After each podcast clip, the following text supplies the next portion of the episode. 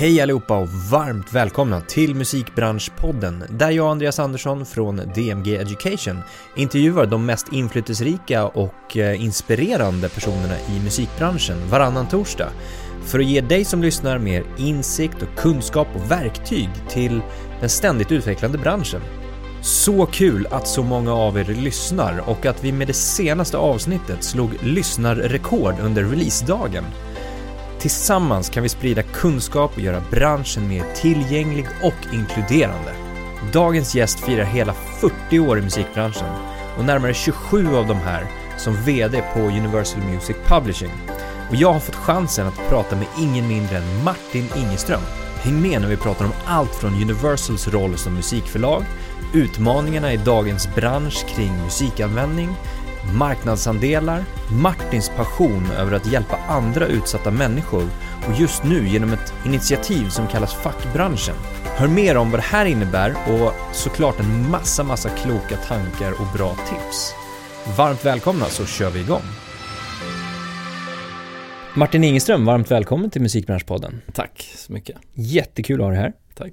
Det ska faktiskt bli väldigt kul att sitta ner och prata lite med dig. Mm. Eh, jag har aldrig fått chansen förut, men nu får jag chansen. Ja. Och pick your brain Mm. nästan lite grann. Mm. Ehm, vi sågs för några veckor sedan. Ja.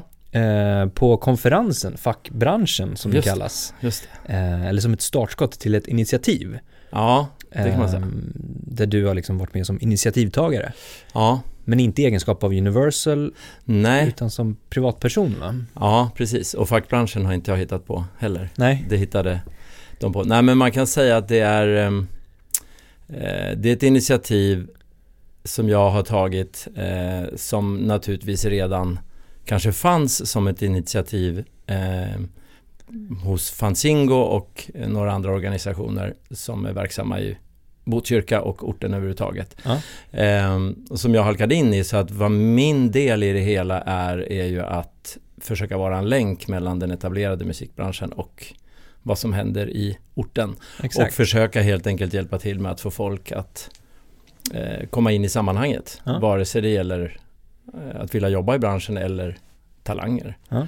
Och ehm, Vi ska prata lite mer Ja. sen. Mm, Eh, mm, så det var en mm, jättebra mm. inledning. Ja. Eh, det var lite det jag ville ha bara. En kort introduktion.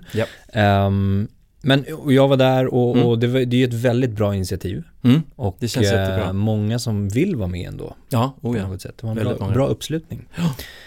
Du är idag VD på Universal Music Publishing. Ja. Och du har varit på samma företag i Mm. 26 år.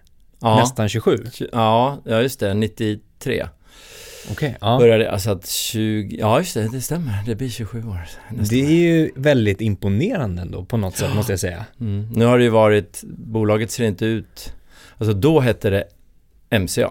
Mm. Och, eller MCA är ju en förkortning för MCA. Eh, MCA betyder Music Corporation of America. Och är ju då eh, egentligen föregångaren till Universal. Precis. Eh, och både filmbolag och olika musikbolag och de, temaparker och allting. Mm. Ehm, precis, så då hette det MCA och ehm, på musikförlagssidan så hade man inget kontor i Skandinavien. Mhm. Utan man eh, lät sig administreras av andra independent men ändå etablerade eh, bolag. Mm. Men sen ledsnade man på det och att eh, det, det såldes bolag fram och tillbaka och då hamnade man i kläm liksom. Och till slut så ville man öppna eget. Mm. Och jag var då eh, anställd på ett annat förlag. Jag hade jobbat ganska länge. Eh, både på skivbolagssidan och på förlagssidan. Och ehm, ja, sen frågade de mig om jag ville dra igång det från, i princip från scratch. Mhm. Och det var jättekul. Det fanns ju en, en utländsk katalog med massa låtar som skulle eh, administreras här då. Men det fanns inga lokala upphovspersoner signade.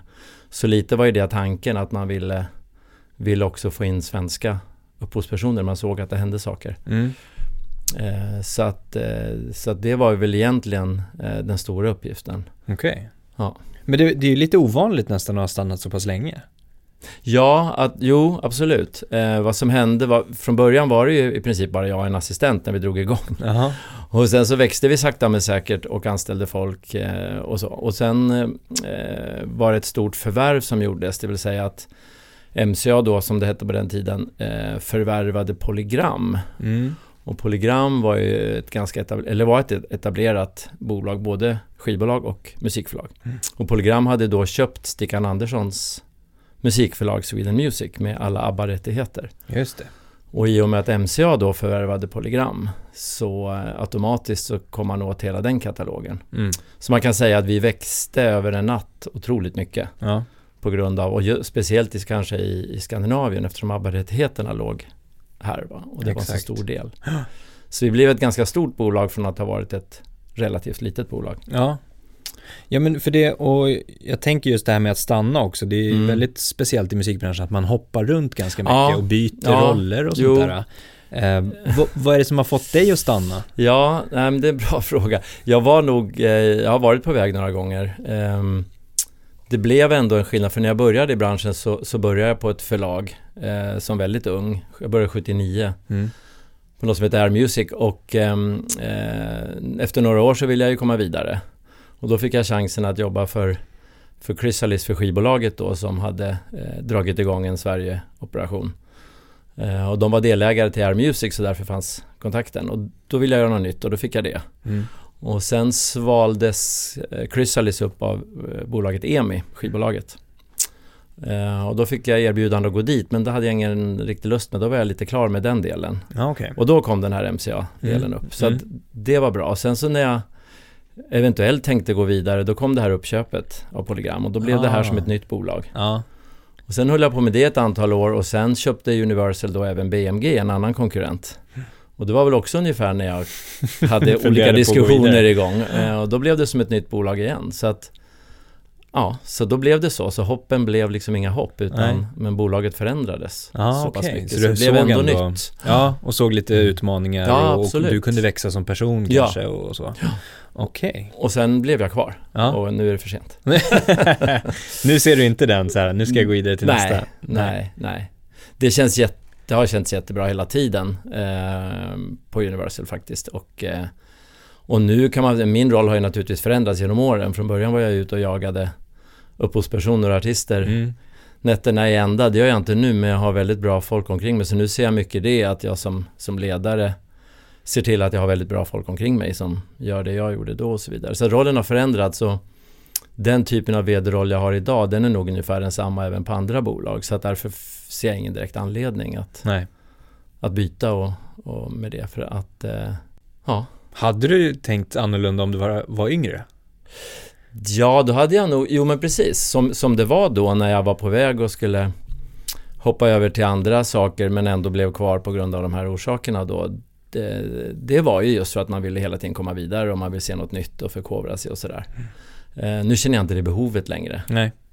För nu är jag på ett bra ställe och eh, så jag stannar nog här tills jag, så länge jag håller på i branschen. Så vi se hur länge det blir, det vet man aldrig. Nej. Nej, en del håller ju på länge. Absolut. väldigt, väldigt I den här länge. branschen gör ju en del det. Men har du... För länge ibland. Ja, precis. Som de kanske bör ta ett kliv tillbaka. Precis. Ditt driv från början då? Eh, att ta dig in. Du sa att du började 79. Ja, jo. Vad, Nej, men- vad var det som liksom lockade på något sätt? Egentligen så hade jag väl en annan bana tänkt för att eh, jag hade gått gymnasium och varit i USA ett år, gjort lumpen och sådär och så skulle jag söka vidare och plugga vidare men, men jag ville ta ett sabbatsår och, och jobba och Okej. jag var väldigt musikintresserad. Jag höll inte direkt på med så mycket musik och utöva själv när jag var mindre men, men jag, var, jag brann verkligen för mina skivor och lyssna och jag extra knäckte lite som discjockey på någon ungdomsgård och lite sådär. Så jag var väldigt, väldigt intresserad. Så jag tänkte att drömmen det här året innan jag fortsatte plugga, det skulle ju vara att jobba i musikbranschen. Men jag visste ju knappt att, knappt att den fanns. Nej. Men jag hade faktiskt den turen att jag hittade en annons i DN där det stod musikintresserad medarbetare sökes. Kommer jag ihåg än idag. Ingen titel eller Nej, det stod bara så. Nej, Jaha. ja. Så att jag, jag tänkte, jag sökte i varje fall. Trodde inte jag skulle ha en chans, men jag sökte. Man fick ju en ledig dag från lumpen för att åka på anställningsintervju. Så då gjorde jag det och ehm, ja, sen tror jag att jag och, och Sture Borgdahl som han hette som, som var chef där och, och delägare på Air Music då som det hette. Han, han och jag klickade. Mm. Eh, och sen fick jag träffa Lasse Wigman som jobbade där då. Och han och jag klickade också. Så att eh, ja, det gick på en vecka så var jag anställd. Och då såg du någon så slags vidare... Ja, först då så var det ju tänkt som ett år. Ja. Men eh, jag vet att jag sa det till mina föräldrar tidigt då att eh, alltså det här är för kul. Det är kört. Det här var ju drömmen alltså. Jag var ju, fick ju sitta och lyssna på musik dagarna i ända och, Ja. Och eh, man kunde gå ut och hur man ville och sådär. Så att nej, så det, det gick ju inte Nej. att sluta då. Så då tänkte jag jag tar ett år till. Ja. Och där är jag fortfarande. Så att det blev aldrig något. Har du samma driv nu då? 40 ja, år det har jag men på ett annat sätt. Alltså då var ju, då var ju drivet just det här att verkligen få...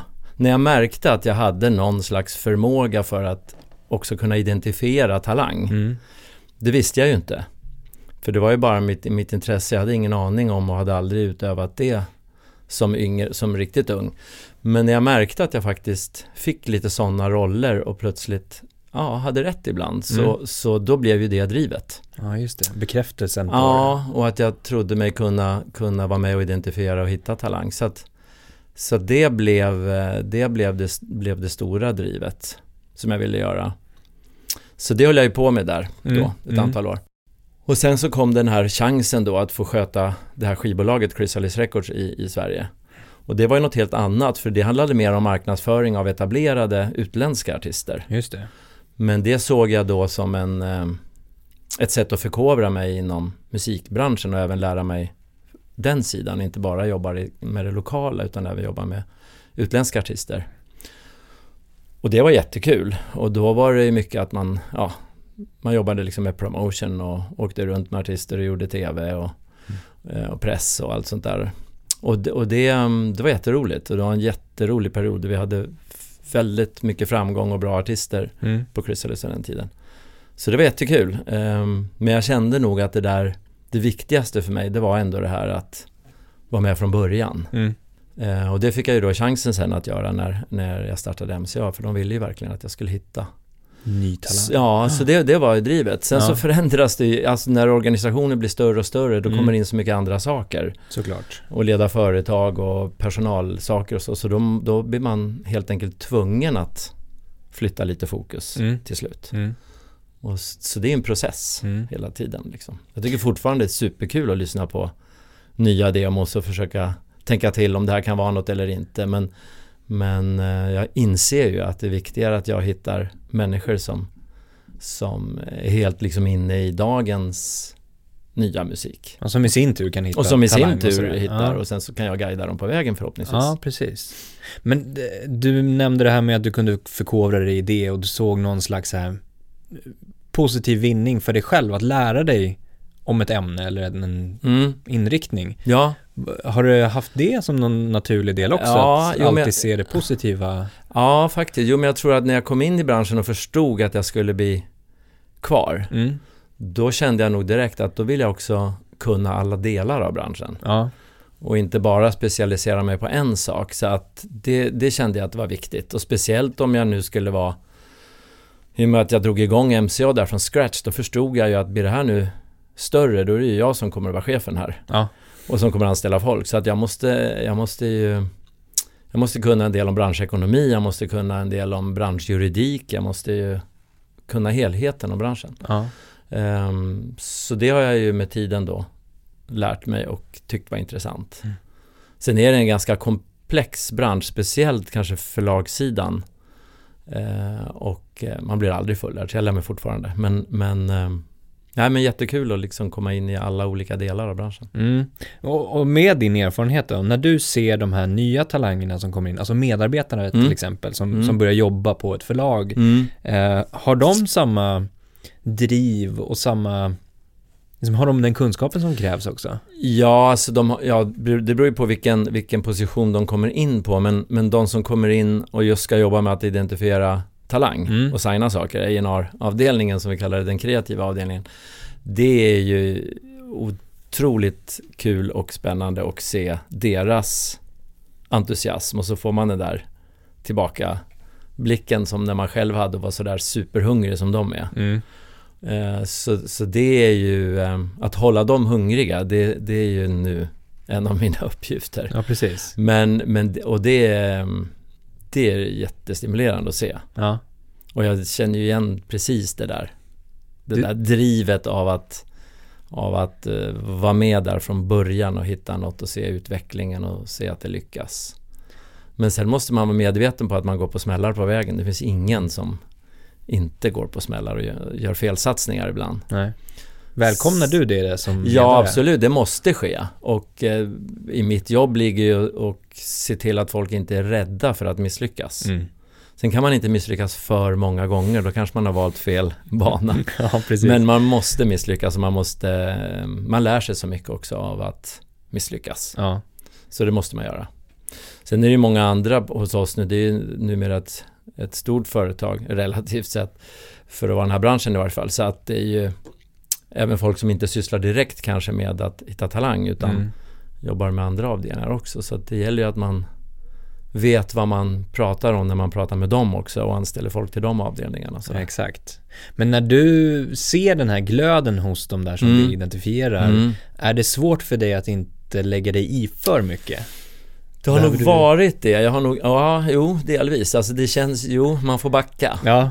och inte vara med riktigt i den processen. Sen, sen kommer jag ofta in i processen för om vi ska gå vidare med någon talang och det plötsligt blir allvar att vi ska signa. Mm. Och om det är någonting större sådär, då, då, då krävs det att jag är med i, i processen av att dels ta beslutet eh, och sen så blir det ofta då en ganska stor ekonomisk fråga kanske. Och det kanske måste eh, förhandlas med advokater eller med managers och sådär. Och då kommer jag ofta in i bilden i varje fall. Mm. Okej. Men, in, men det här första steget att identifiera och så, det är ofta då någon annan som gör. Mm. Och det har, man, har jag liksom fått lära mig att backa ifrån Mm. och istället eh, tycka var väldigt skönt att se att andra gör det. Ja, precis. Och glädjas med dem. Absolut. Men som sagt, du har ju varit i branschen länge och vi Mm. var inne på det, du kommer fortsätta. Men det kommer Mm. ju komma en dag förr eller Mm. senare när du kliver av så att Mm, säga. absolut. Hur, hur känner du inför det? Ja, det är, ehm, det är svårt. Jag tror att det finns nog två typer av människor som just har jobbat hela sitt liv i den här branschen. En del kan inte sluta. Nej. Utan håller på tills man, tills man blir utforcerad eller inte orkar längre. Eh, och andra tror jag, eh, ja, som alla andra känner när, det är liksom, när man är färdig och vill ta, göra något annat i livet. Mm. Och jag är nog lite mitt emellan där. Mm. Ehm, jag kan mycket väl tänka mig att, att eh, så småningom sadla om. Så länge jag är pigg och stark så kommer jag vilja jobba Mm. med någonting. Men det kan man ju göra i olika former. Och jag har andra intressen också så att det är ingen risk. Men jag, jag, det känns ju fortfarande som det blir svårt att släppa helt. Ja, jag kan tänka mig det. Så att skulle jag, kommer jag till den dagen att jag kommer överens med Universal att jag inte är kvar längre på den här tjänsten, då får man väl se. Det finns ju andra saker i branschen som man kan vara involverad i ändå, Mm. Mm. om det blir så. Men än så länge så verkar både de och jag vilja fortsätta, så att vi får se. Mm. Känner du något ansvar här nu då, att föra vidare den kunskap och kompetens som du sitter på? Att, Absolut. att det känns liksom som att nu måste jag få ur mig allting för att föra vidare det här. Mm. Jo, men det gör det ju. Och ehm, nu har jag jobb, jag jobbar med, med jättebra människor eh, på företaget som, som, så den här processen har ju pågått under lång tid. Ja. Så de som har kommit in och jag har jobbat med länge har ju förhoppningsvis snappat upp en del av mig och sen har de lärt sig av sig själva och av varandra. Eh, och så, så att absolut är det så, men man vill ju man kan, jag skulle inte kunna tänka mig att bara en dag säga till alla, nej men nu går jag och så stänga dörren och gå. Mm, nej. Så funkar nej. det inte. Utan eh, man har ju liksom, nu har jag jobbat så länge också för det här företaget så jag har ju en, har ett hjärta för företaget och vill ju att när jag kanske inte är fullt aktiv i företaget längre så vill jag ju att det ska gå bra. Ja. Och att det ska vara folk som är nöjda så att jag, jag eh, behövs jag så kommer jag att finnas där.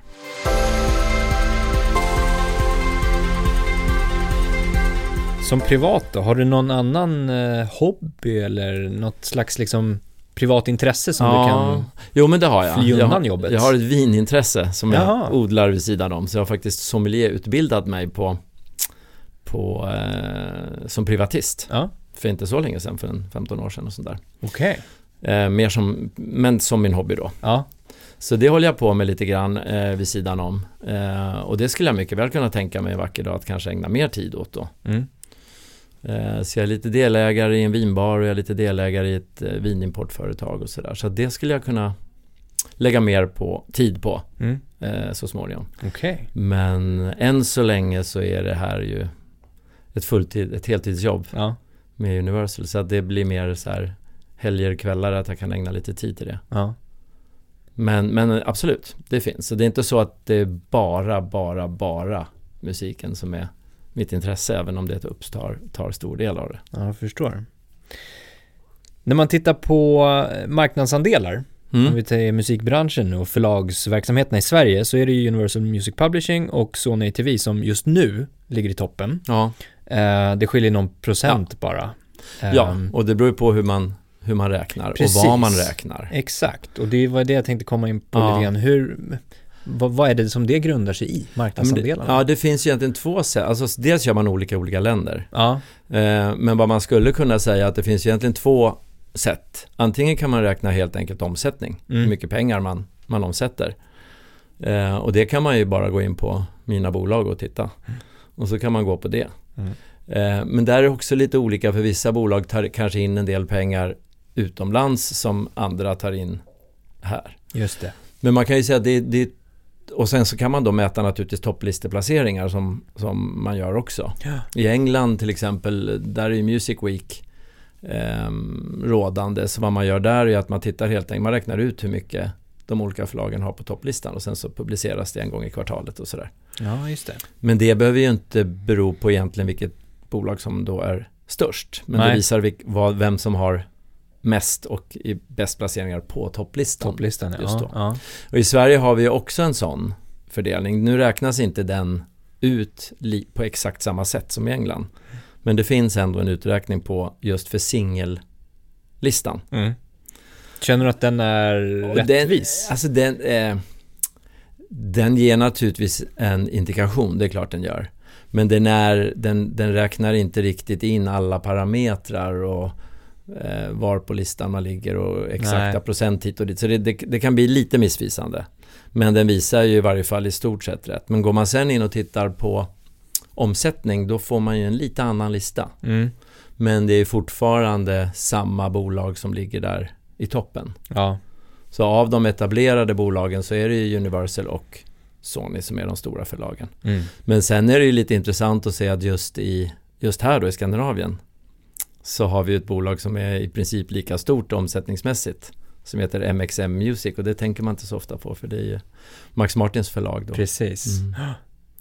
Och det räknas ju inte som ett multinationellt bolag så därför så räknas det liksom inte riktigt in. Nej, Men det är lite unikt att den situationen finns här då. verkligen. Mm. Men hur viktigt är de här siffrorna för er då? Eh, tar ni upp det internt på veckomöten och sånt där? Och... Nej, egentligen inte. Det är klart att det är kul att titta. Det är alltid, alltid spännande att titta på Mm. och alltid kul med tävlingar av olika slag. Så det är klart man tittar på det. Men inget som är jätteviktigt. Um, någon gång om året så vill, vill huvudkontoret då, vårt huvudkontor se hur vi ligger till ungefär. Och, men de är väldigt medvetna om att det här räknas olika i olika territorier. Men, men och, och det är klart att där finns det alltid en, en, en eh, tävlan, speciellt kanske i, på huvudkontoren i USA så räknar man ju och där försöker man nog räkna tror jag omsättning för bolagen worldwide. Det är det som är det Mm. liksom viktiga för att se vilket som är världens största förlag. Mm. Och där tror jag Sony är väl totalt sett över världen fortfarande det största. Okej. Och Universals eh, driv är väl att komma ifatt. Ja. Men det känns, när man pratar om sådär, de amerikanska kontoren Mm. inom alla olika grenar Mm. så är det blir det som att ja, men de fokuserar bara på bottom line resultatet och det är bara bara omsättning och Ja. vinst och, Jo, alltså sen är det ju, alltså det är väl på två sätt. De som jobbar på våra till exempel USA-kontor. Mm. Eh, vi har ju flera, vi har ju både New York och Los Angeles och Nashville och Miami och sådär. Men, men eh, huvudkontoret ligger i Los Angeles för oss. Och när man är där och så, så har de ju samma, samma driv som vi har när man pratar med deras kreativa avdelningar till exempel om att eh, jobba nära artister och se, se artister utveckla, eller se låtskrivare utvecklas från sådär. Så att det känns inte bara som att de döms för efter hur mycket pengar de drar in. nej okej. Men på högsta, högsta nivå så är det klart att ehm, man tittar på det. Det gör ju alla multinationella bolag för Mm. i, i grunden så är det ju, alltså vi är ju ägda, Universal är ägda av ett franskt bolag som heter Vivendi. Och Vivendi är ju börsnoterat. Mm. Så Vivendis skyldighet är att leverera till sina aktieägare. Mm. Och Universal är en ganska stor del av Vivendi. Mm. Så Vivendi sätter naturligtvis tryck på Universal att leverera och då måste Universals högsta ledning sätta tryck på alla kontor att leverera. Mm. Så är det ju. Mm. Så det är klart att det finns en, en sån. Men sen när man pratar med dem dagligen då pratar man ju nästan mer om låtar och artister och Mm. framgångar den vägen. Mm. Men bottom line är klart att visst, vi ska leverera, det är det vi, det vi har lön för. Mm. Har, ni, har du någon gång stött på liksom en, en clash när du pratar med kreatörer, upphovspersoner till exempel, som, att, som känner att äh, men, ni är, ni är ett, ett kommersiellt företag Mm. och det matchar inte riktigt med mina värderingar. Nej, men det kan, det, absolut, det kan vara så. Och det kan speciellt kanske en del av ideella skäl, eh, nästan politiska skäl, eh, kan nog bestämma sig för att man inte vill liera sig med ett multinationellt bolag. Mm. Så det, det, det finns det och det får man respektera. Sen är det ju väldigt många som har kanske den åsikten utåt. Ja, Men som sen ofta ändå när det tryter i kassan gärna kommer okej. och vill prata för att ehm, ja, någonstans behöver alla ändå pengar och de stora bolagen har ju större resurser. Ja. Och därför kanske man i många fall har lättare att hjälpa till med ja, del, dels rent ekonomiskt men även kanske har större resurser för utvecklingen Mm. av en låtskrivare eller en artist. Mm. Så det är väldigt många som kanske från början intalar sig att man inte vill ha med de multinationella att göra men sen ändå så småningom kommer. Mm. ganska vanligt. Kanske när det visar sig att det faktiskt det man håller, själv håller på är ju en affärsverksamhet Ja. på något sätt. Ja, Att du ska få lön för den kreativa insats Ja. du gör. så det är inte så konstigt egentligen. Nej, precis. Och det är väl... Men har man av ideella eller politiska skäl eh, inte, då får man, det får man ju verkligen respektera och så, Mm. så kan det ju vara. Mm. Eh, Och det är bra för att branschen måste ju ha alla typer av bolag och det måste finnas en diversifiering. Det vore konstigt om det bara var några få bolag som drev, drev branschen. Ja. Så det, det är väl jättebra att det är så. Finns det andra nyckeltal som ni kollar på som inte är så tydliga utåt sett? Ja, alltså det, ja, mm, det är det ju. Eh, Alltså vi tittar ju väldigt mycket internt naturligtvis på hur, hur vi som lokalt bolag utvecklas. Mm. Så hur, hur går vi i Sverige gentemot tidigare? Och då tittar man ju, alltså omsättning och pengar är naturligtvis en, en, en sån eh, del, men, men lika mycket tycker jag att det gäller hur, vad vi har uppnått under ett år. Och allting är ju inte monetärt, utan det har ju också att göra med hur, vad företaget har haft för mål, vad vi lokalt har haft för mål och hur vi vill att folk ska må på företaget. Och, Mm. och vad vi gör tillsammans och ehm, även hur man får alltså en, en stor roll för mig personligen har ju blivit att se till att jag har de bästa möjliga medarbetarna Mm.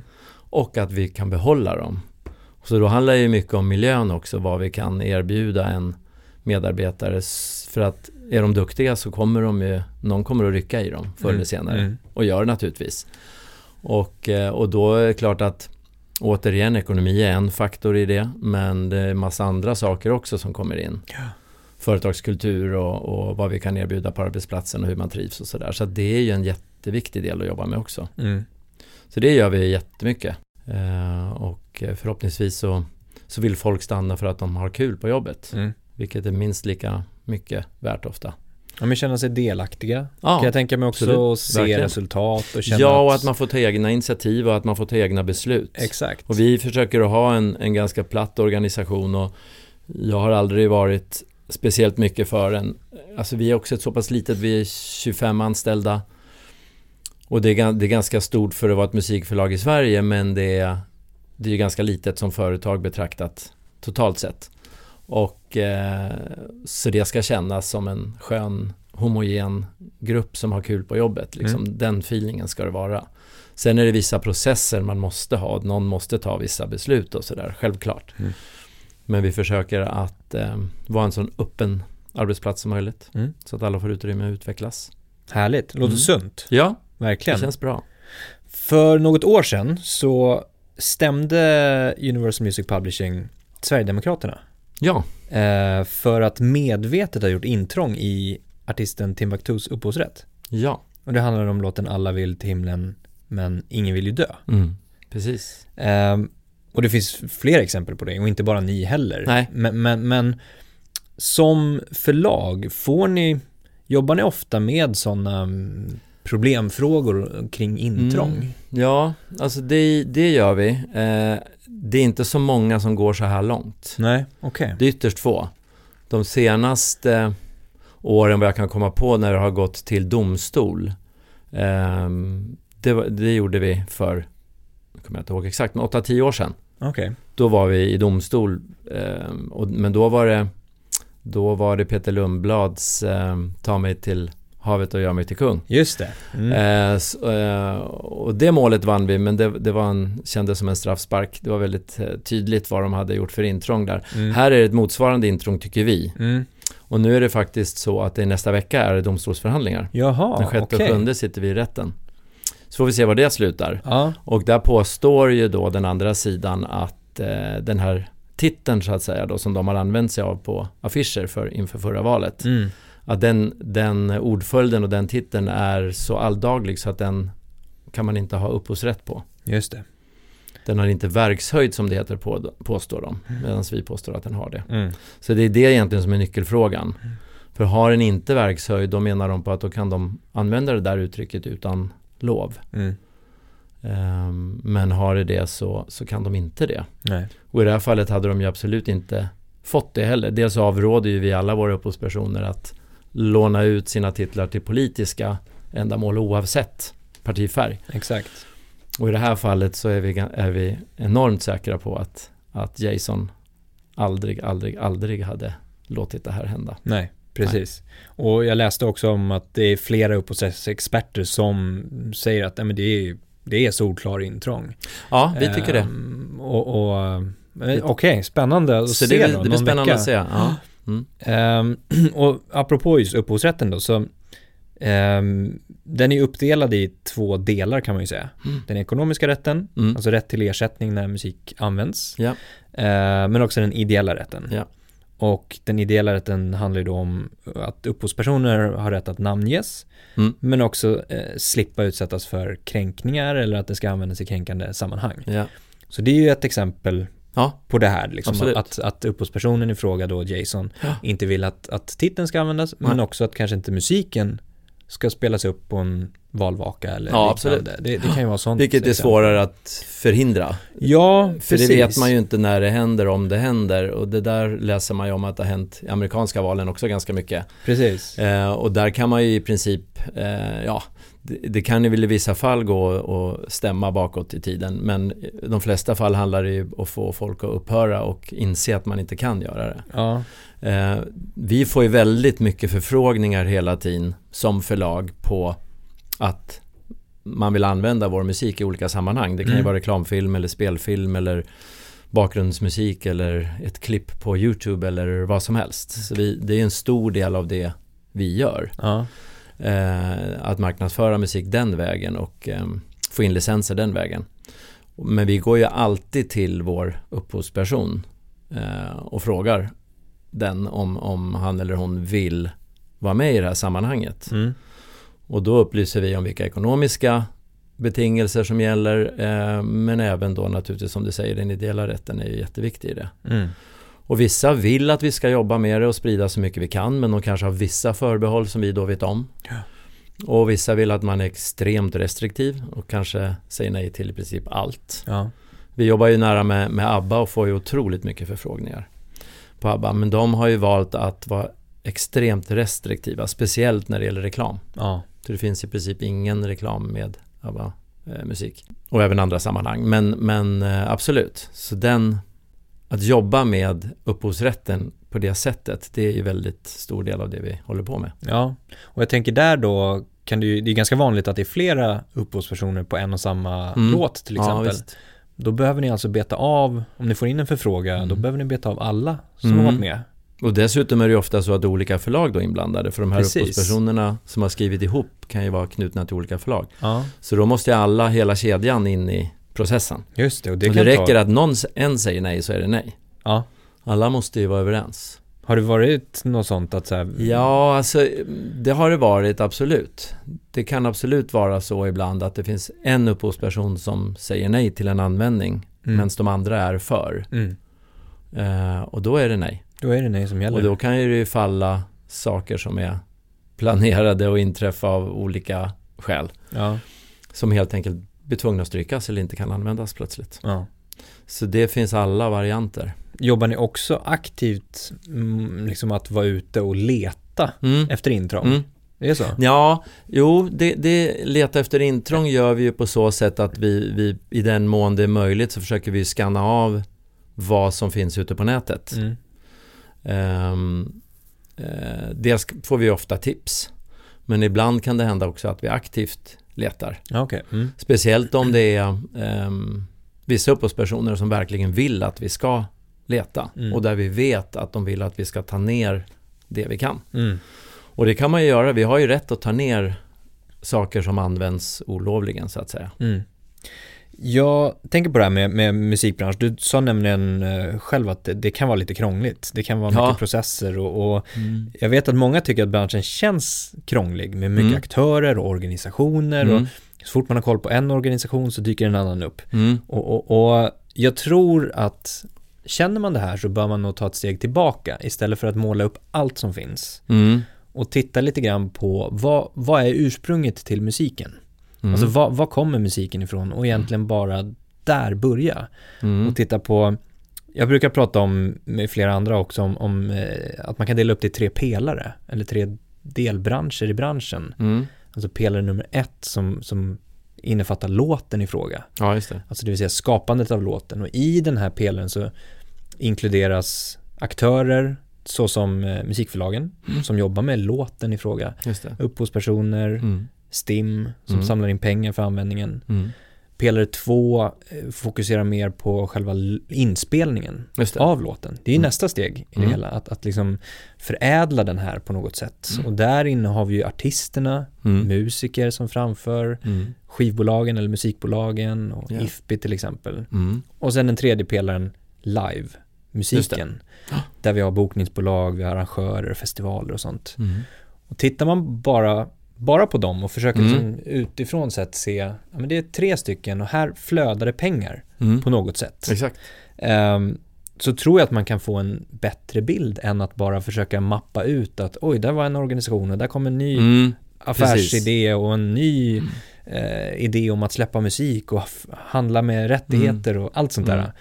Ja men det är bra, det är en, det är en bra uppställning att försöka se det så. Sen är det klart att inom varje då sån här pelare så är det då massa olika krångliga vägar. Precis. Och, och där är det nog så att den där första pelaren där låten skapas och där musikförlagen kommer in, det är nog den krångligaste. Ja, jag tror också det. och den är absolut den svåraste att förstå om man är utanför branschen. Ja. Man förstår ofta vad en artist är och att det måste finnas ett skivbolag och att man gör reklam och, för det Mm. eh, och så vidare och att det framförs live. Mm. Men just det här hur det fungerar med låtar och när en upphovsperson ska få ersättning. Mm.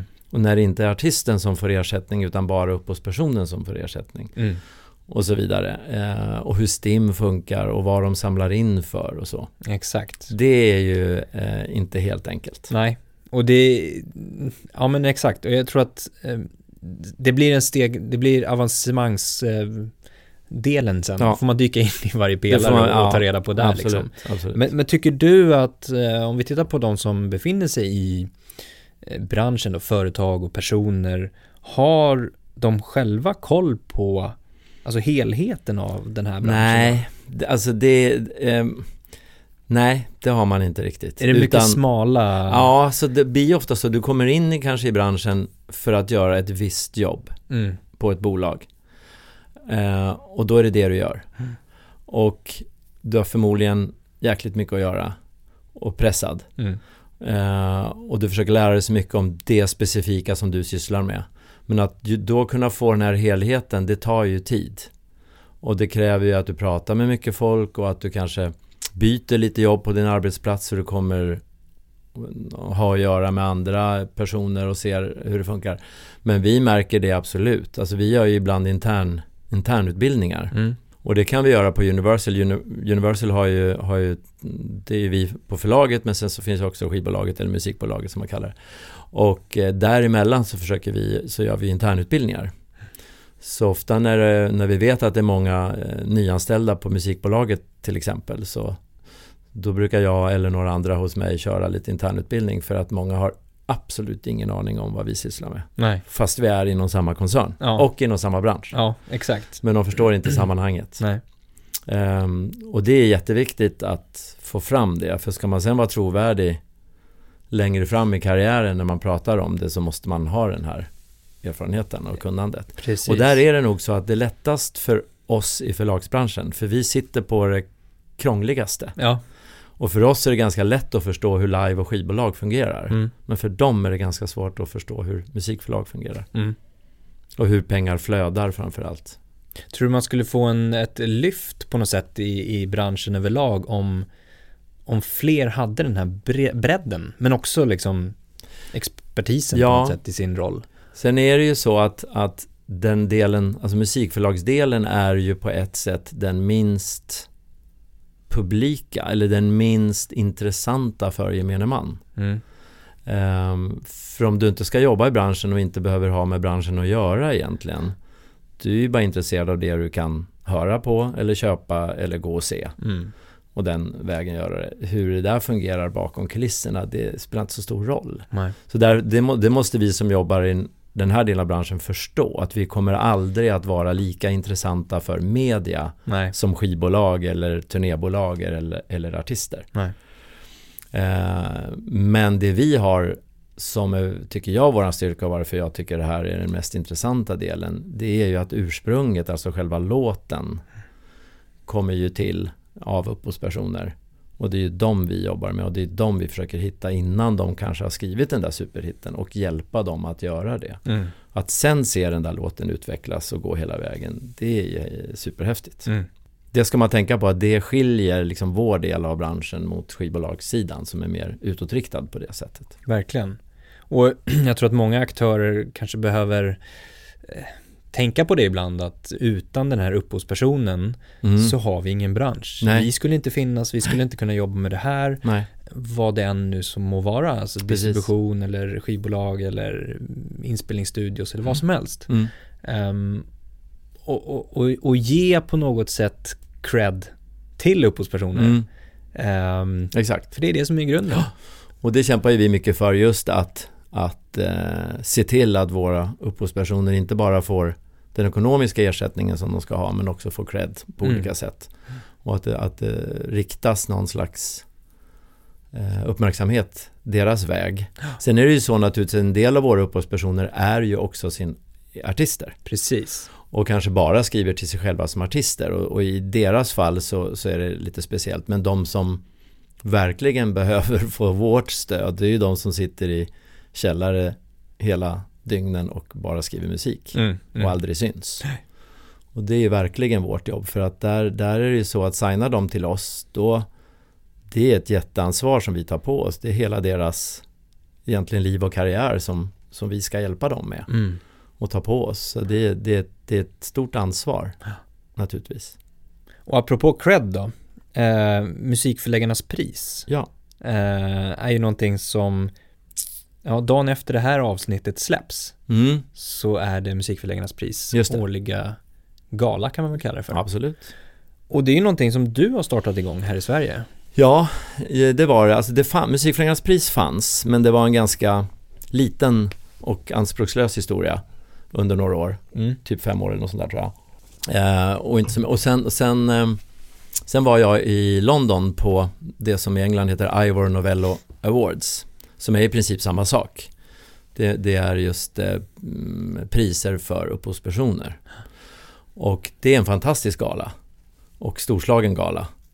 Eh, och eh, efter jag var på den så, så kände jag att nej, men vi, vi måste Sverige är ju ändå ett land för låtskrivare där hela världen pratar om svenska låtskrivare. Och Mm. att vi då har en liten oansenlig gala, det funkar inte. Vi måste ha något, vi måste hylla våra låtskrivare på ett bättre sätt. Ehm, så då föreslog jag det för branschorganisationen, Mm. Musikförläggarna, och eh, sa till dem att jag tycker vi ska fixa det här. och göra något större och jag hade då en idé att i princip kopiera det man gör på Ivor Novello Awards, en, en festlunch och eh, låta den där festen pågå hela natten och eh, prisutdelningar och, eh, och så. Och det tyckte de var en jättebra idé, men det fanns inte riktigt resurser Nej. att skapa det här och hålla i det. Så egentligen blev, eh, blev eh, beskedet tillbaka från branschorganisationen att eh, du får vårt stöd, men här har vi inte resurser att göra det, så skapa det du. Mm. Så stödjer vi dig i det. så då tog jag på mig det. Eh, och blev någon slags festgeneral kallades det till slut. Eh, och det har blivit, är jag jätteglad för att det har blivit så lyckat. Så Ja. nu är det väldigt etablerat och folk tycker att det är den roligaste galan och sådär. Så det, det är jag jättestolt över. Och känns jättekul. Så den har jag jobbat intensivt med nu i 12 år tror jag. Mm. Så det här är första året som jag inte är direkt inblandad i galan. Så det ska bli jätteskönt att gå dit och bara Bara vara. sitta och njuta och slippa vara nervös varje sekund för att någon ska säga fel eller hur det där ska gå.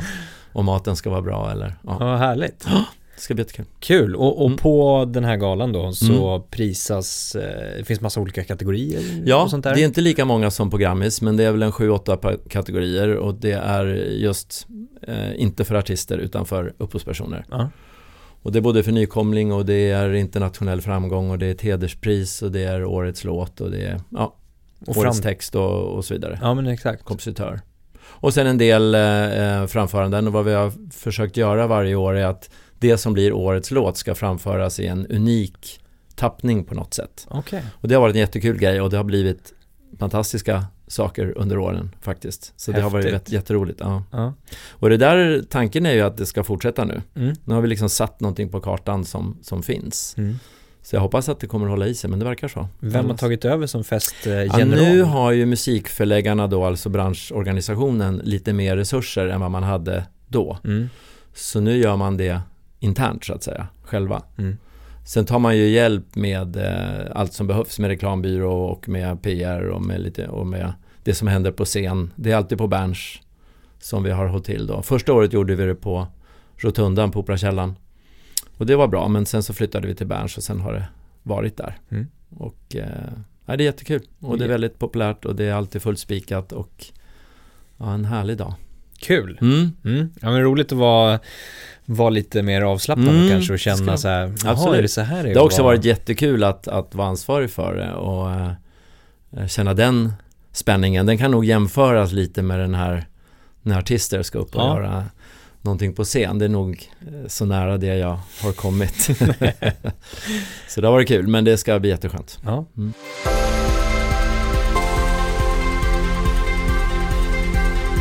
Jag tänkte vi går in på fackbranschen som vi pratade om lite Mm. grann. Om vi sammanfattar det med vad det är för någonting. Mm.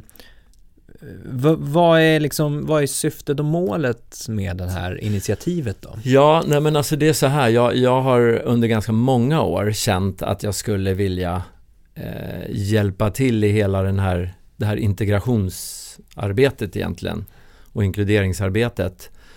För att, alltså jag har alltid ehm, haft lätt att känna för speciellt unga som inte riktigt har det så bra som man vill att folk ska ha det. Det kan vara att man har hamnat eh, på snedden eller att eh, växer upp i fel typ av hem eller vad som helst. Jag har alltid liksom ömmat mycket för det. Eh, och försökt hitta något sätt att involvera mig. Eh, och ett sätt är naturligtvis att supporta organisationer som håller på. Men jag har velat liksom även vara lite engagerad. Mm. Eh, vilket är lite svårt att hitta rätt för att det gäller ju också att kunna avsätta tid till det och sådär. Men sen då så via, via faktiskt min, min svåger så kom jag eh, i kontakt med Fanzingo som ju är en stiftelse eh, i Botkyrka. Som egentligen är ett mediahus som jobbar med att involvera ungdomar från orten i att göra media åt framförallt uppdrag åt SVT och åt eh, Sveriges Radio om integration och så vidare. Och man har även gjort olika poddar, Flyktingpodden, Fängelsepodden och så vidare. Man ger ut en tidning och så. För att engagera folk och försöka få dem från, från gatorna. Mm. Eh, och de har också ett musikprojekt för det är massor med musikintresserade som söker sig till dem. Men de har inte haft riktigt resurser att ta hand om det. Så där såg jag direkt en uppgift att om jag kan få branschen att bry sig och connecta och få hjälp av Fanzingo att hitta, hitta personerna eller ungdomarna och om jag kan få branschen att engagera sig så borde vi kunna slussa, slussa in folk den vägen. Mm. Och det här, det här är ju helt utanför då Universal utan det här är som ett personligt initiativ. Och det eh, initierade jag på Musikförläggarnas pris förra året när jag också avgick som festgeneral. Så berättade jag, tog tillfället i akt och berättade för branschen att jag ville göra det här och fick jättebra respons. Så väldigt många har hört av sig Mm. och sagt att vi vill hjälpa till. Med allt från studiotid, praktikplatser, eh, både ekonomiska bidrag men även att, eh, att kunna hjälpa till med låtskrivare, eh, producenter, utbildning. Allt sånt där behövs. Ehm, så det drog vi igång då och på grund av det och branschen visade sån entusiasm för det här så eh, gick Arvsfonden in med pengar. Mm. Så vi har fått loss pengar från Arvsfonden nu vil- vilket gör att vi kan bygga lite mer studios eh, på plats, bredda det här från att bara vara ett Fanzingo Botkyrka initiativ till att också komma fler till godo och andra, andra eh, förorter och ställen där det behövs. Så det har nu dragit igång och den här fackbranschen som den första hände. Vi kom på att nästa avsnitt ska nog bara heta branschen. Ja, exakt. Men ehm, eh, det är en del av det här arbetet. Mm. Eh, och det, har, det var, jag tycker det var jättebra respons och det kom fram massa bra saker. Mm. Så nu på Musikförläggarnas pris då så ska, vi, ska jag berätta lite om var vi står Mm. och vad vi har gjort det här året och vad som är planen framöver. Exakt. Så det, ska, det känns jättebra. För det var ju en hel dag. Eh, Det var en hel den dag. här Ja, kickoffen ja, då, då, precis, man, eller precis. konferensen och Ja, det var ju väldigt många branschrepresentanter Mm, där från alla de stora bolagen, Mm. både förlag, skivbolag, Mm. live, ja. ehm, intresseorganisationerna Mm. och så vidare. Ehm, och, och, så det var ju en väldigt bra upp, uppslutning måste jag säga. det var det. Och Jättekul. bra samtal. Ehm, och jag tror att nästan alla gick därifrån med både idéer och Mm. eh, att man var tvungen att tänka till lite grann. Hur skulle vi kunna hjälpa till i ett Absolut. sådant projekt? Ja. Ehm, men jag vet att du ska avslöja mer på Musikförläggarnas pris då, men hur mycket, hur mycket kan du avslöja om Ja. liksom nästa steg? Nej, men det är nog ingen, inga hemligheter tycker jag. Eh, alltså det som kom fram på, på den här konferensen, vi satt ju dels i grupper och pratade om hur vi kan hjälpa till och vilka idéer som finns. Eh, och det är ju allt från att, att ehm, eh, på individnivå hjälpa till till att företag ställer eh, liksom medel till förfogande och så vidare. Det, fanns, det kom ju upp massor med olika initiativ där. Men, och, och en sak som vi kommer att berätta lite grann om där på plats är ju eh, att man försöker skapa någon slags pool dit, dit man kan anmäla sig och förhoppningsvis både talang men även folk som vill jobba i branschen. Mm. Där man kan presentera sig och det man gör och där branschen sen kan gå in och hitta talang, vare sig det är medarbetare eller musiktalanger. Eh, för annars är just det här problemet, hur når man varandra? Eh, det är inte bara att ta tunnelbanan in till stan och knacka på dörren och, och få kontakt. Det, det, det är tufft Mm. att göra det och vill man nå ut så hur, hur gör man det? det? Det är liksom svårt att hitta den där kopplingen. Mm. Och det är den vi måste överbrygga. Mm. Och det här, det här är ju då ett sätt att göra det. Dels att erbjuda praktikplatser och studiotid och, och så vidare. Men det här också att kunna hit, ha någon slags pool dit man kan gå. Mm. Så den är ju under utveckling och sen exakt hur den kommer att se ut och bli, det, det, det håller vi på med. Mm. Men det är en del av flera saker som ska göras och den, den tänkte vi berätta om. Härligt. Mm. Och sen handlar det ju också, jag tror vi satt i samma grupp eh, Mm, och diskuterade, vi, vi pratade lite grann om det här med eh, även att eh, branschen och företagen behöver bygga förtroende från personerna som kanske vill ta sig in, både talanger och jobba på business-sidan, att man även internt i musikbranschen behöver titta på sig själv Absolut. och se hur, hur jobbar vi? Hur, hur välkomnar vi ny talang? Ehm, hur speglar vi ny talang utåt sett i, i vår personal, bland Mm. våra talanger, låtskrivare, Mm. artister, producenter, vad det nu kan vara. Mm. Ehm, så, att det, så att det blir åt båda hållen också. Ja, Um. Absolut, det ingår ju i hela det här arbetet att Ja, man rannsakar sig själv lite grann och tittar hur det ser ut. Mm. Eh, och det, det är ju väldigt typiskt, det, är- det är nog för många branscher men det blir lite så när man, speciellt när man letar medarbetare att man man är lite rädd för att chansa och man eh, söker inom branschen Mm. och annonserar man utåt, ja då går man till branschmagasinet, Mm. liksom, musikindustrin eh, som man vet att en viss klick bara läser. Så att man tar inte de här stora stegen för man tänker att man måste ha någon som har lite koll på branschen. Eh, oftast är det ju så att det är kanske precis tvärtom det borde vara. Det borde komma in helt nytt blod som är helt nya och friska idéer. Mm. Eh, och då måste, men, men det är som sagt det är svårt att hitta, hitta varandra. Så Ja. att det måste vi jobba på. Men det är ett första steg. Det här är Alltså, ett första steg, verkligen. absolut. Så att eh, det känns ändå som att det har hänt saker under år ett. Så får vi se vad det blir, men det känns jättebra. Så att det är också någonting som jag kommer att lägga mer tid på framöver. Mm. Men, men det här med att hjälpa andra, har du all, det har alltid funnits där någonstans? Ja, Ehm, jag har nog alltid haft den där, en svag, eh, någonting, svag ska jag inte säga. Nej, men jag har alltid haft eh, någonting eh, med det och eh, det har alltid legat mig varmt om hjärtat. Men är det någonting som du letar aktivt efter? Eller? Jag, Jag, tänker har, mer ja, jag har liksom nog gjort det delvis. Det så? Ja, jag har delvis gjort det och det var, det var när jag när jag kom i kontakt med Fanzingo som jag såg den här möjligheten. Ja, Just för att det också är kopplat till musikbranschen där jag, där jag ju har ingångar och där jag har varit verksam så länge så att jag på något sätt är ett namn och Ja. därför eh, har en möjlighet kanske att få med mig folk Mm. och ha tillfälle att förmedla det här budskapet exakt. och att få folk att lyssna. Det är svårare om det var en bransch där jag inte det är en nobody så att säga att komma och snacka och få någon att lyssna. Men Mm. här, här fanns det en sån tydlig koppling. Mm. Sen har jag också gått in aktivt själv då så att nu sitter jag i Fanzingos styrelse och vi jobbar ju med många andra saker än bara det här musikprojektet. Det handlar ju om allt möjligt men det har ju hela tiden med integration och den delen att göra. Mm. Mm. Och ehm, ja, men om vi nu är ett land som är öppet och, och ska ha öppna gränser och vi ska hjälpa folk som har det sämre än vi då, då måste vi också ta nästa steg. Mm. Vi kan inte bara släppa in folk, vi måste också se till att de kommer in i samhället på ett bra sätt. Mm. Så att, ehm, nej det känns bra. Jag tycker det är fantastiskt att det ändå finns, eh, som du ändå ha- har en maktposition Mm. i musikbranschen Mm. och, och ta sådana initiativ. Mm. För det krävs. Ja, Eh, det är svårt för någon, som du säger, att komma in och hur mycket man än vill, absolut. eh, att vända på någonting. Ja. Så att, eh, ja, jag hoppas på att du verkligen startar igång och vi vill ju vara med Ja. så gott det bara går och hjälpa till. Exakt. Eh, men att du har startat om, igång någonting som verkligen Mm. fortsätter. Mm. Ehm, Jo, jag kommer att hålla i kommer det. det- Jag kommer inte att sluta i branschen förrän det där är ordentligt sjösatt. Härligt, bra. Ehm, I branschen så, så ser vi ju ganska mycket utveckling just nu. Mm. Alla möjliga olika nya lösningar, tekniska lösningar och allt sånt där.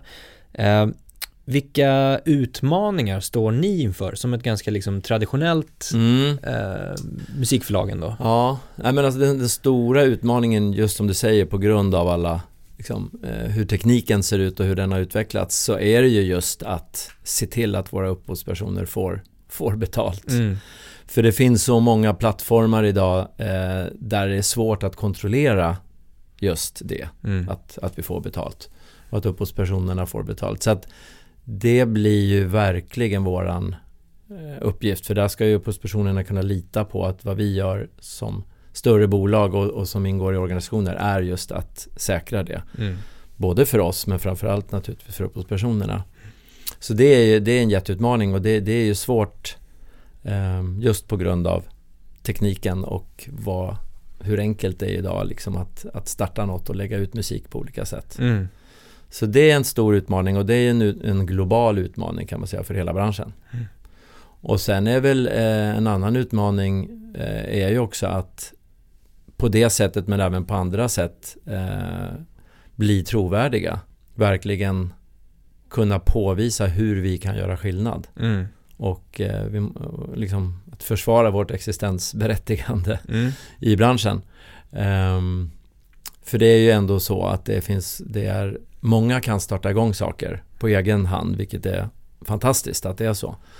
Men ibland så behöver man hjälp med vissa saker Mm. av organisationer som har eh, etablerade kanaler och så. Och där måste vi vara duktiga på att förmedla det och visa att vi också gör nytta. Mm. Så det ställs mer och mer krav på oss att kunna leverera och det är, det är positivt tycker jag. Mm. Men det ställer också mer och mer krav på medarbetare och så vidare. Och även utbildning. Det är ju först de senare åren som det finns överhuvudtaget någon form av utbildning för musikbranschen. Mm. Nu finns det ju några stycken. Mm. Eh, och det tror jag är jätteviktigt för att förut var det mer att äh, man gillar musik och så sökte man sig till branschen och man var beredd att Mm. knega gratis några år för att komma in och få en plats. Ehm, och sådär och det var lukrativt och det gick bra och så. Men, men eh, idag kräver det verkligen att man, att man har kunskap för att kunna försvara sin position. Mm. Ehm, så det är jättebra att det finns utbildningar och det är jättebra att ehm, an, man använder som praktikplatser på företagen och så vidare. Mm. Det lär vi oss av också när vi får in praktikanter från utbildningarna. Ja, precis. Eh, då kommer de in med massa eh, liksom, kunskap Mm. och, en bredd i kunskap som vi ibland kanske saknar. Mm. Så att jag upplever att branschen har blivit mer och mer professionell.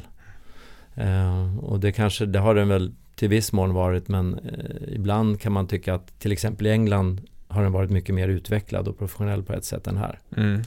Men det upplever jag att vi, vi är i fatt. Okej. Vad, vad har det berott på sen tidigare? Jag vet inte ehm, varför men eh, alltså branschen har på något sätt varit mer sofistikerad där. Ja.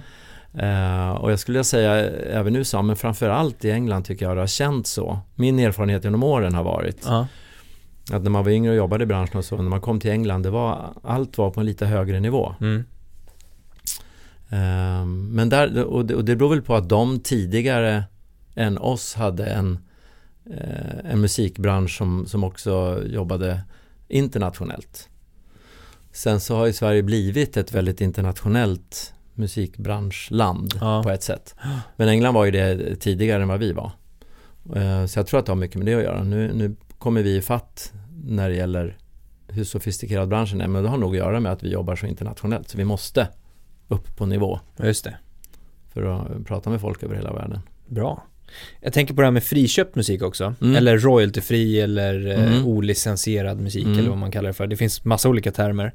Ehm, och om man läser på Musiksveriges hemsida så kan man läsa formuleringen av just eh, begreppet. Där det står friköpt musik innebär att rättighetshavarna gjort en totalöverlåtelse av sina rättigheter och redan blivit avlösta ekonomiskt. Och den som sen vill använda musiken i produktioner eller på annat sätt inte behöver be om tillstånd eller betala ytterligare för framföranderättigheter till något kollektivt förvaltningsorganisation. Mm. Så kort och gott kan man ju säga att det handlar om alltså företag som, som köper den ekonomiska rätten helt och hållet för en engångssumma. Mm. Ehm, och sen får använda låten hejvilt eller Ja. fritt så att säga. Mm. Och den som har skrivit låten får ingen framtida ersättning Nej. som, som det annars är då. Mm. Ehm, det här har ju faktiskt vuxit ganska stort senaste åren sådär. Det har funnits Mm. ett tag men senaste åren har vuxit mer och mer. Vad, vad, vad, vad, vad tror du är liksom orsaken till att det har vuxit så pass mycket? Ja, alltså den delen av branschen, eller vad man ska säga, har ju blivit mer sofistikerad. Och ehm, eh, det har inte funnits tidigare, i varje fall inte i Norden, eh, bolag som verkligen har jobbat professionellt med den sidan riktigt. Eh, sen drog man igång ehm, och gjorde det. Och, alltså det, man kan väl säga så här, det är naturligtvis så att vi som jobbar ehm, i branschen men inte på den sidan tycker det är olyckligt. Mm. Eh, och tycker det är fel att man inte får en ersättning för framtida användning av sitt verk. Så i, men, och i princip vad man gör är ju att man, man, eh, man betalar någon en summa för att komponera och eventuellt producera då en låt och sen har man fått den summan. Och det kan naturligtvis vara lockande för någon som är i behov av pengar att få en check i handen direkt. Skriver du annars en låt och får ut den i media så ska du ofta vänta ett tag då innan intäkterna kommer. Och det, om det spelas på radio till exempel och sen så ska det gå till STIM och sen ska STIM betala till eventuellt ett förlag eller direkt till upphovspersoner. Det där är ju en process som tar tid. Eh, I det här fallet så gör du din låt så får du pengar i handen så är du klar. Mm. Och jag förstår att det kan vara lockande. Ehm, Men det finns ju naturligtvis då en negativ sida och det är ju att om den här låten sen används och spelas mycket så får du inte ersättning längre fram. Um, vilket vi tycker är fel. Och vi skulle inte vilja jobba så. Uh, sen blir det också då, har ju visat sig att det kan då vara en konkurrensfördel för den media som vill använda låten för de betalar en gång också och behöver mm. sen inte betala till STIM. Men det urholkar lite vad tanken är med att man ska få ersättning för det man har skapat. Eh, vare sig man är kompositör eller författare eller vad det, eller, eh, vad det än är. Um, jag förstår att det finns och, uh, um, och det finns företag som håller på med det som är jätteduktiga och, och, och, och gör det på ett bra sätt. Men vi tycker att det är att kannibalisera på låtskrivare och att det egentligen förstör. Mm. Kan det ha lite att göra med det här du var inne på låtskrivare som inte riktigt, ja men det är lockande för den e- engångssumman. Mm. Um, kan det ha att göra lite också med okunskap, att man inte riktigt vet hur man kommer få betalt mm, uh, för sina verk. Mm. Alltså man, man ser att man skapar verk, man släpper det uh, genom någon artist eller sig, sin egen, mm. sig själv som artist och så ska man få stimpengar. Mm. Det är det enda man ser. Mm. Men, men det finns ingen riktig kunskap i hur det fungerar, på vilket sätt, när, mm. eh, hur mycket behöver det låta, alltså mm. hur mycket behöver eh, musiken spelas för att jag ska få x antal pengar mm. och sådana saker. Nej men och det kan ju naturligtvis liksom vår del av branschen då förklara ja, hur det fungerar. Precis. Eh, om, de, om frågan ställs.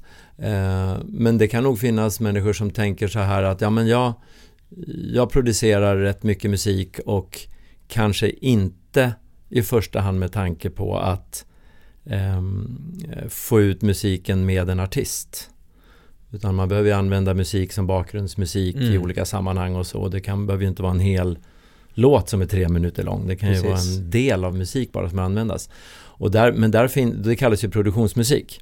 Och det är det vi pratar om här. Det finns ju, vi har också ett produktionsbolag bolag som heter Universal Production Music och, och vi gör produktionsmusik.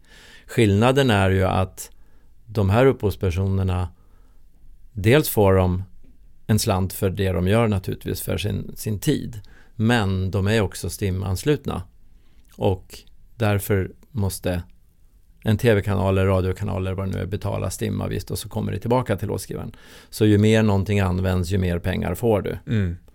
Um, så att vi finns ju i den branschen och vi kan ju tala om då för upphovspersonerna även i de som bara sysslar med produktionsmusik, hur de kommer att få betalt. Mm. Så den möjligheten finns. Mm. Um, så det är en annan modell kan man säga. Att antingen så, så får du en check i handen och sen får du vara glad för det du fick. Mm. Eller så kan det gå den andra vägen. Så det handlar ju också om, vi måste ju rannsaka oss själva också och om vi nu inte eh, vill jobba med den delen så att säga av branschen eh, men har det som en, en, konkurrent då får ju vi också ta på oss att kanske upplysa upphovspersonerna om alternativet. Exakt. Och för, få dem att förstå det. Ja. Och jag hoppas ju och tror att de flesta inte gör det av okunskap utan att de vet hur det fungerar och så har man tagit ett beslut. Mm. Att för mig är det viktigare att jag får den här checken i handen. Mm.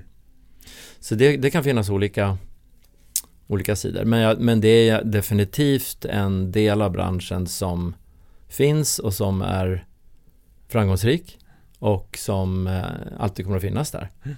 Så det ska vi nog bara vänja oss vid. Ja. Så är det. Ja. Ja. Härligt. Du ska få en fråga från eh, föregående gäst, mm. Michelle Kadir från Sony Music. Och hon ställer en ganska stor fråga. eh, hur löser man problemet med den mansdominerade branschen? Både bland anställda mm. och speciellt bland ledare, men också producenter och på topplistan. Mm. Och på topplistan då menar hon säkert artister och upphovspersoner då mm. som ju faktiskt, alltså artister idag vet jag inte om det är så stor skillnad egentligen på att det är mansdominerat. Eh, det har jag inte räknat på men jag, tror att det är ganska 50-50 där. Men om man tittar på upphovspersoner och producenter framförallt så är det definitivt har varit ett traditionellt, i varje fall på producenter har ju verkligen varit ett traditionellt kill, killjobb, killområde. Eh, det tas ju massor med initiativ nu. Det finns ju dels massa rörelser som är igång och hela metoo-rörelsen eh, drog också ytterligare igång. Och jag tror att vi på bolagen måste också naturligtvis hjälpa till. För det finns ju massa talang, det är inte frågan om det. Eh, av gamla orsaker så tror jag att just den här delen av, av branschen har varit mansdominerad. Eh, men man måste skapa, och det vet jag att många jobbar med också, det måste skapas så kallade säkra rum eller vad man ska säga. Alltså kvinnor måste känna sig välkomna och säga, säkra helt enkelt för att det har funnits en massa manchauvinistiska eh, saker som, och, och, saker som har hänt också just när det gäller studios och, och så. Så där måste man eh, göra ett jobb och det görs, det görs definitivt ett jobb. Eh, det finns massor med initiativ igång så, och det, det är jättebra. På bolagssidan så tror jag att det är ju verkligen upp till oss i lite ledande ställning på bolagen att tänka på det. Hos oss är vi 50-50 eller till och med fler kvinnor än män som jobbar så att, så att vi är där. Och man behöver också gå igenom och titta på hur det ser ut i ledningsgrupper och sådana strukturer. Så det har vi också gått igenom. Um, och förbättrat. Och jag tror att alla håller på med det, mm. mer eller mindre. Det är, det är högt upp på allas agenda nu. Mm. Men enda sättet är att fortsätta jobba och man kan inte tro att bara för att det här har kommit upp på ytan så är det klart. För Nej. det är fortfarande ett problem. Ja. Helt klart. Nej, jag tror att varje enskilt bolag behöver sätta sig och titta över sin situation. Mm. Och sen handlar det också in i liksom beslutsfattandet, inte liksom bara i counting på Nej. alltså positioner Exakt. på om du är 50-50 i ja. en, en, en, ledningsgrupp eller chefspositioner mm. utan det handlar ju också om när besluten ska tas. Mm. Makt eh, Absolut. frågan kan man ja. kalla det för också då. Ja. Sen är det ju så att det tar ju, det är en fråga som tar lite tid eftersom det är ju ett arbete som måste börjas från grunden så att säga. Eh, det är ju svårt att plötsligt bara förändra allting, gå in en dag och avskeda killar och sätta in tjejer på en dag. Det funkar inte riktigt så. Utan det är ju ett långsiktigt arbete. Så det handlar ju om någon slags medvetenhet som måste finnas. Så att man medvetet eh, jobbar så. Och sporrar tjejer att ta för sig. Det är också det att ibland så har kanske killar varit bättre på att ta för sig. Uh, och det är väl att tjejer inte riktigt har känt att de har varit tillräckligt representerade. Och det måste, måste vi också i ledande ställning på bolagen sporra tjejer att ta för sig. Mm. Uh, jag tycker man ser en tydlig trend åt det hållet. Vilket är jättebra. Så jag tror att vi, vi är på väg att nå dit. Kommer att ta lite tid. Men uh, alla de rörelser som är igång är jättebra och det pratas mycket om det. Och jag, jag tror att det, det ger resultat. Bra. Och du får ställa en fråga till nästa gäst också. en fråga skulle kunna vara vad nästa person tror kommer att vara den mest revolutionerande, eller den största, musikaliskt sett, den största förändringen eller den nya trend efter idag. Okay. Vad, är, vad är nästa stora musikaliska trend i Sverige? Ja man kan väl säga att just nu så är ju alltså hiphop och svenska är det som gäller. Mm, mm. Vad är nästa grej? Vad är nästa grej? Mm. Bra, det skulle du vilja veta också för att kunna scouta kanske. Absolut. och jag kanske har svaret. Ah, men avslöjar jag inte. Du har svaret. vi tar dig på länk nästa ja, gång. Vi gör det. Ja, vi gör det. Martin har svaret. Ja. Härligt. Du Martin, superkul att snacka med dig. Ja, samma. Lycka till på Musikförlängarnas pris. Tack. Och det du gör nu och fackbranschen och allt annat. Yes. Tack så mycket. Tack för att du har lyssnat på podden. Om du gillar det vi gör, kom ihåg att prenumerera så att du inte missar ett avsnitt. Stjärnmarkera, dela, kommentera. Ja, men du vet precis vad du ska göra. Och självklart, hör av dig till mig med tankar, frågor eller tips. Du kanske vet vem som bör vara med i podden eller det kanske är till och med du som bör vara med i podden. Skicka ett mail till andreas at dmgeducation.se